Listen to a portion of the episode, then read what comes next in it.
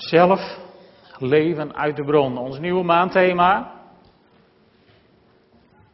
Misschien zul je denken, nou, leven uit de bron, wat is het verschil? Nou, het verschil is dat we het wat dichterbij willen brengen. Want zo'n thema kan natuurlijk heel leuk zijn, heel abstract, heel veilig, met zo'n waterputje daar op de tafel, waar je van afstand naar kijkt. Maar in principe gaat het natuurlijk om jezelf. Het gaat om ons. Hoe leven wij uit die bron? En ik wil nog een keer Johannes 7, vers 37 lezen. Dat ene vers. Op de laatste dag, het hoogtepunt van het feest, dat Loofhuttenfeest dus, wat vandaag herdacht wordt, stond Jezus in de tempel en hij riep, laat wie dorst heeft bij mij komen en drinken. Dit lijkt een vriendelijke suggestie. Maar als je de Griekse tekst erbij zoekt, dan is het iets minder vriendelijk en iets dwingender dan het hier eigenlijk staat. Want in het Grieks staat er, als je dorst hebt, moet je bij mij komen en moet je drinken. Vrijblijvender staat het er niet. En ik wil vanochtend met jullie kort nadenken over die drie werkwoorden die erin zitten. In het Grieks tenminste. Dorsten, komen en drinken. Want de eerste voorwaarde is dat je dorst hebt, echt dorst hebt. Dus geen zin in een koud glaasje drinken, maar echt dorst. Zoals Simpson bijvoorbeeld dat had in Richteren 15, vers 18. Daar heeft Simpson net een overwinning behaald en dan heeft hij nogal wat gepocht over zijn eigen kunnen.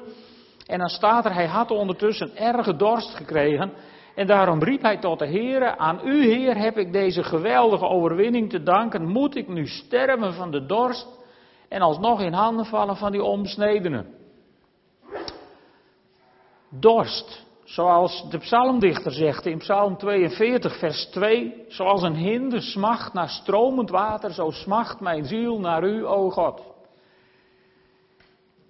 Je zou het niet zeggen, maar ik stam nog uit de tijd dat je versjes moest leren op school. En dat was nog in de oude psalmberijming. En die is erin gehamerd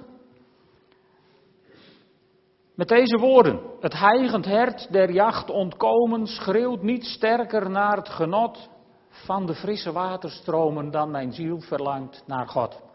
Het is door de verdeling in de dichtregels valt de vergelijking een klein beetje in het water.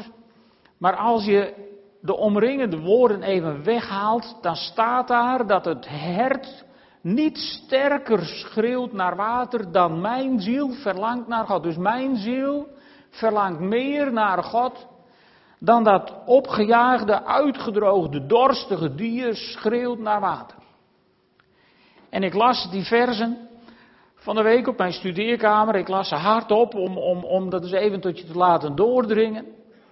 En toen was het alsof God zei, je meent het. Je meent het. Dat was geen leuke opmerking. Dat stemde je eigenlijk tot nadenken. Schreeuwt mijn ziel wel sterker naar God dan dat heigend hert der jacht ontkomen schreeuwt naar water? Is dat wel zo?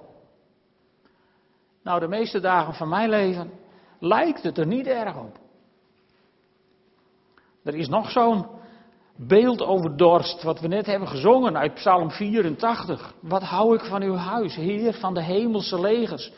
Ik kan zo sterk verlangen naar de binnenpleinen van de Heer. Diep in mijn lijf is zo'n heimwee, zo'n blijvende schreeuw om de levende God. Is dat zo? Is dat zo? Of, of raakt het onze emoties even als we dat liedje zingen? En zijn we het daarna weer kwijt? Is dat iets wat, wat je alle dagen bij je draagt? Je meent het, zei God tegen me. En toen dacht ik, nee, eigenlijk meen ik dat helemaal niet. Maar toen hadden we gisteren de afscheidsdienst van de schoonmoeder van onze oudste zoon. En daar ging het over het leven van een vrouw die wist dat ze ging sterven. En die wist dat ze naar de Heer Jezus ging. En toen zat ik daar alsmaar met dat liedje in mijn hoofd. Alsmaar, ik kan zo sterk verlangen naar de binnenpleinen van de Heer. En als ik dan naar die kist keek, dacht ik, en zij is nu op de binnenpleinen van de Heer. En ik niet. Maar dan zei ik elke keer maar gauw tegen de Heer, laten we het niet overdrijven. Ik heb ook nog geen haast, want ik heb ingetekend voor 120. Dus, dus doe maar even rustig, maar dat gevoel in je binnenste. Schijnbaar meer gemeend dan ik zelf in de gaten had. Dorst. Dorst wordt het ergste van alle menselijke kwellingen genoemd. Wist u dat? Het is pijnlijker en erger om om te komen van de dorst dan van de honger. Het enige voordeel is dat het veel vlugger gaat, maar het schijnt een verschrikkelijke dood te zijn om uit te drogen en te sterven van de dorst. En je bent gauwer uitgedroogd dan je in de gaten hebt. En om dat te voorkomen, zegt Jezus, moet je bij mij komen. Er staat dat op deze dag, dat Jezus het uitschreeuwde in de tempel op die achtste dag. En, en het opvallende is dat hij dat niet riep tegen mensen die, die God niet kenden. Hij stond daar in de tempel op het Loofhuttenfeest, dus zo'n pelgrimssituatie in Jeruzalem. Met allemaal gelovigen die waren gekomen. Eigenlijk zou je kunnen zeggen, hij sprak tot de weldoorvoede, gezapige gelovigen die hun religieuze dingen braaf deden. Maar bepaald niet smachten naar de aanwezigheid van God. Jezus riep ze om dichterbij te komen, zoals de psalmdichter van Psalm 84 het heeft over de binnenpleinen van de Heer. Kom nou toch. Zoals in het Oude Testament Boaz het zegt tegen Rut als ze bij hem op het veld aan het aren zoeken is, dan zegt hij in, in Rut 2 vers 9 zegt hij tegen, ze, tegen haar over zijn dienstknechten, volg ze op de voet, houd je ogen gericht op het veld waar gemaaid wordt. Ik zal mijn mannen zeggen je niet lastig te vallen. En als je dorst hebt, zegt hij, ga dan naar de kruiken en drink van het water dat ze daar scheppen.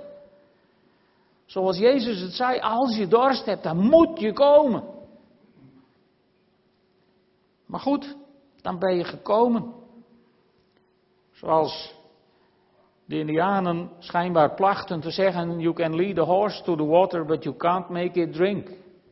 Je kunt een paard naar het water brengen, maar je kunt niet maken dat hij drinkt. Dat zul je zelf moeten doen. Je moet dus ook drinken. Als je dorst hebt, want Christus is de oplossing voor onze geestelijke dorst. Dat is prachtig in beeld gebracht in het Oude Testament tijdens de reis van het volk Israël. Het volk Israël dat reist door de woestijn en dan hebben ze dorst en dan gebeurt er een wonder en dat wonder gedenken ze tijdens het Loofhuttenfeest.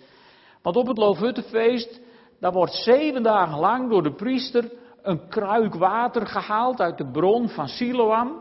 En die kruik water die wordt om het altaar heen geplengd, geofferd aan God. En dan op de achtste dag het hoogtepunt van het feest gaat Jezus daar staan en hij schreeuwt het uit.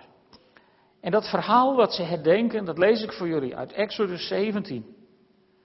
Exodus 17. Vanuit de woestijn van Sin trok het hele volk Israël verder, van de ene pleisterplaats naar de andere, volgens de aanwijzingen van de Heer. Toen ze hun tenten opsloegen in Refidim, bleek daar geen water te zijn om te drinken.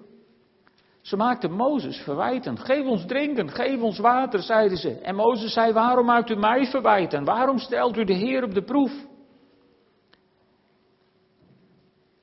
Maar omdat het volk daar hevige dorst leed, bleef het klagen.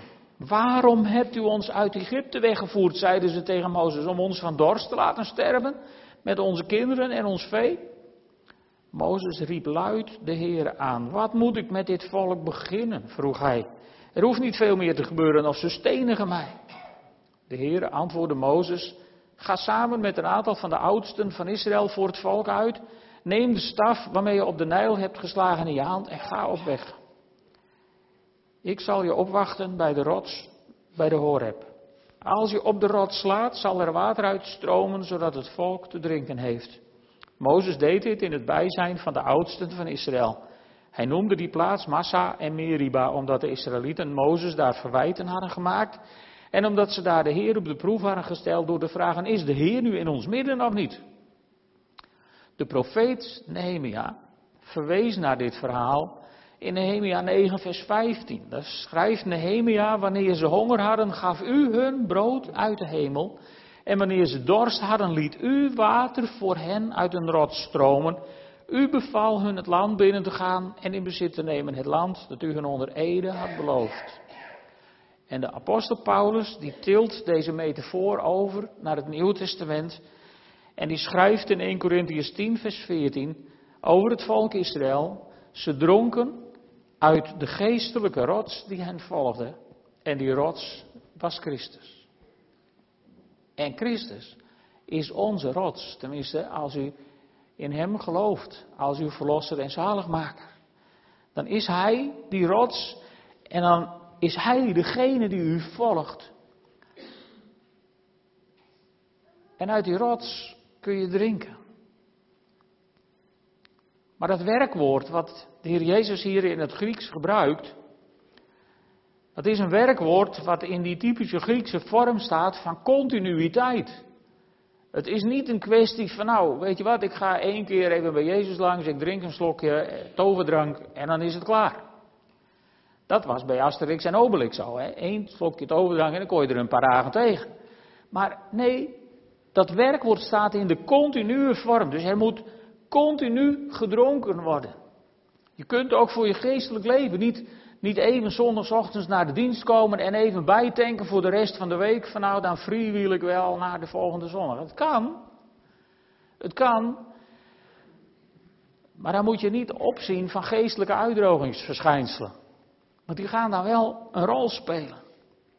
Het is dus een continue vorm. Er moet voortdurend gedronken worden met de nadruk op moed voor sommige mensen misschien wat een pijnlijk woord, want, want wij willen niks moeten, zo langzamerhand. Maar ik kan er ook niks aan doen dat Jezus dat woord gebruikt. Als je dorst hebt, moet je bij mij komen en moet je drinken. Wat betekent dat praktisch? Praktisch betekent dat dat je drinkt. Het woord van God, dat je leest in de Bijbel. Praktisch betekent het dat je tijd neemt om te bidden, te praten met God. Praktisch betekent het dat je tijd apart zet om gewoon even van Gods aanwezigheid te genieten. Misschien bij een mooie cd, misschien bij een leuk, mooi programma op de televisie, misschien wel. Iedereen heeft daar zijn eigen wegen voor. Misschien wel gewoon door te wandelen in de natuur en je te verbazen over de schoonheid van de schepping. Er zijn zoveel wegen om even met je gedachten bij God te zijn. Je moet komen en je moet drinken als je geestelijk niet wilt uitdrogen. Want drinken is geen vrijblijvende zaak. En weet je, er zijn altijd redenen te bedenken om niet te drinken. Zul je misschien denken, hoe kom je daar nou bij? Nou, ik zal jullie een praktijkvoorbeeld geven. Ik was uh, als vrijwilliger bij het Rode Kruis bij de finish van de slachtenwandeltocht. En daar liggen de brancards vol met mensen. Die liggen allemaal aan het infuus, omdat ze allemaal zijn uitgedroogd en flauw vallen bij de finish. En toen was daar een man, die kende ik goed, want die wandelde ook de Elfstedentocht en andere tochten waar ik vaak bij ben. En hij zei, nou markeer ik niks en mijn vrouw ligt hier zo goed als bewusteloos op de brancard. Hoe kan dat nou? Nou, zei, dat gaan we uitzoeken. Dus toen ze een beetje bijkwam, toen zei ik, heb je wel gegeten vandaag? Ja, ik heb wel gegeten. Nou, ik zei, wat heb je dan gegeten? Ik heb de hele dag sultana's gegeten. Oké, ik zei, dan ben ik s'avonds ook bewusteloos. Maar ik zei, heb je ook gedronken? Nou, ze zei, zo weinig mogelijk. Waarom nou, zei ik? Ik zeg, wat als je nou in plaats van die sultana's af en toe eens wat hartigs had gegeten. Nee, zei, dat doe ik met opzet niet, want dan krijg je dorst. Ja, maar ik zei, er is overal onderweg wel drinken te koop. Ja, ze zei, maar als je drinkt moet je plassen.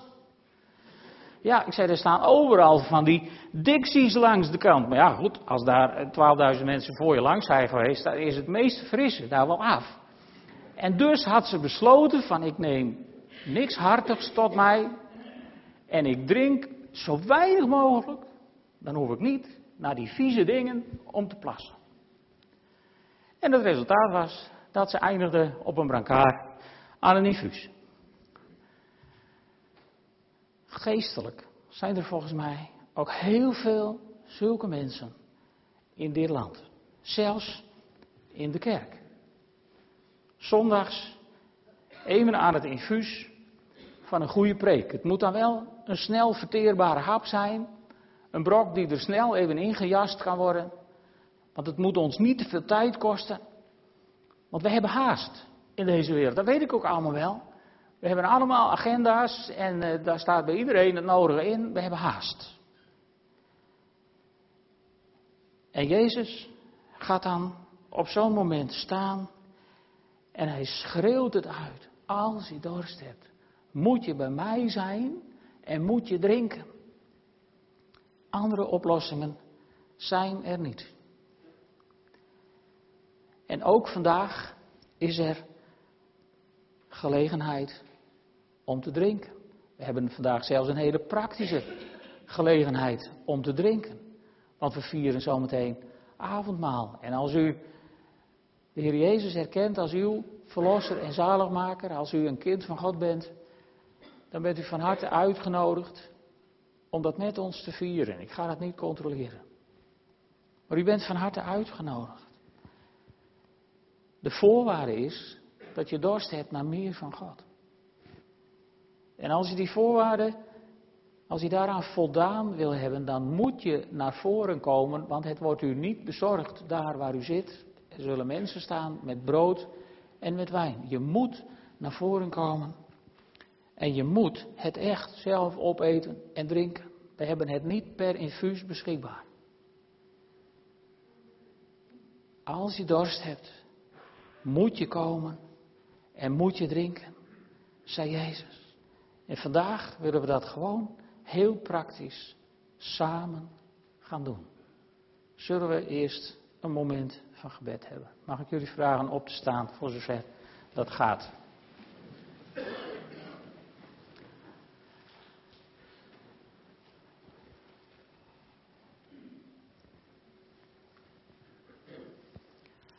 Vader in de hemel, u hebt het bij monden van uw zoon zo duidelijk tegen ons gezegd. Als we dorst hebben, moeten we komen en moeten we drinken. Heren, maar het grote voorrecht daarvan is dat u voorziet in iets te eten en iets te drinken. Heren, dank u wel dat we met onze geestelijke dorst met de nood in ons leven, met de pijn in onze hart en bij u mogen zijn. Dat we versterkt mogen worden door het brood wat symbool staat voor uw lichaam, wat voor ons is gegeven aan het kruis. Dat we gesterkt mogen worden door de wijn die het beeld is van uw bloed, wat bij wijze van een nieuw verbond voor ons werd vergoten. Heere God, ik loof u daarvoor, ik prijs u daarvoor, ik dank u daarvoor uit de grond van mijn hart. En Heere, als we zo meteen avondmaal vieren, wilt u dan uw zegen verbinden aan het brood en aan de wijn. En Heere, daarom neem ik de vrijmoedigheid om dit brood en de wijn te zegenen in de naam van de Vader en de Zoon en de Heilige Geest. Amen.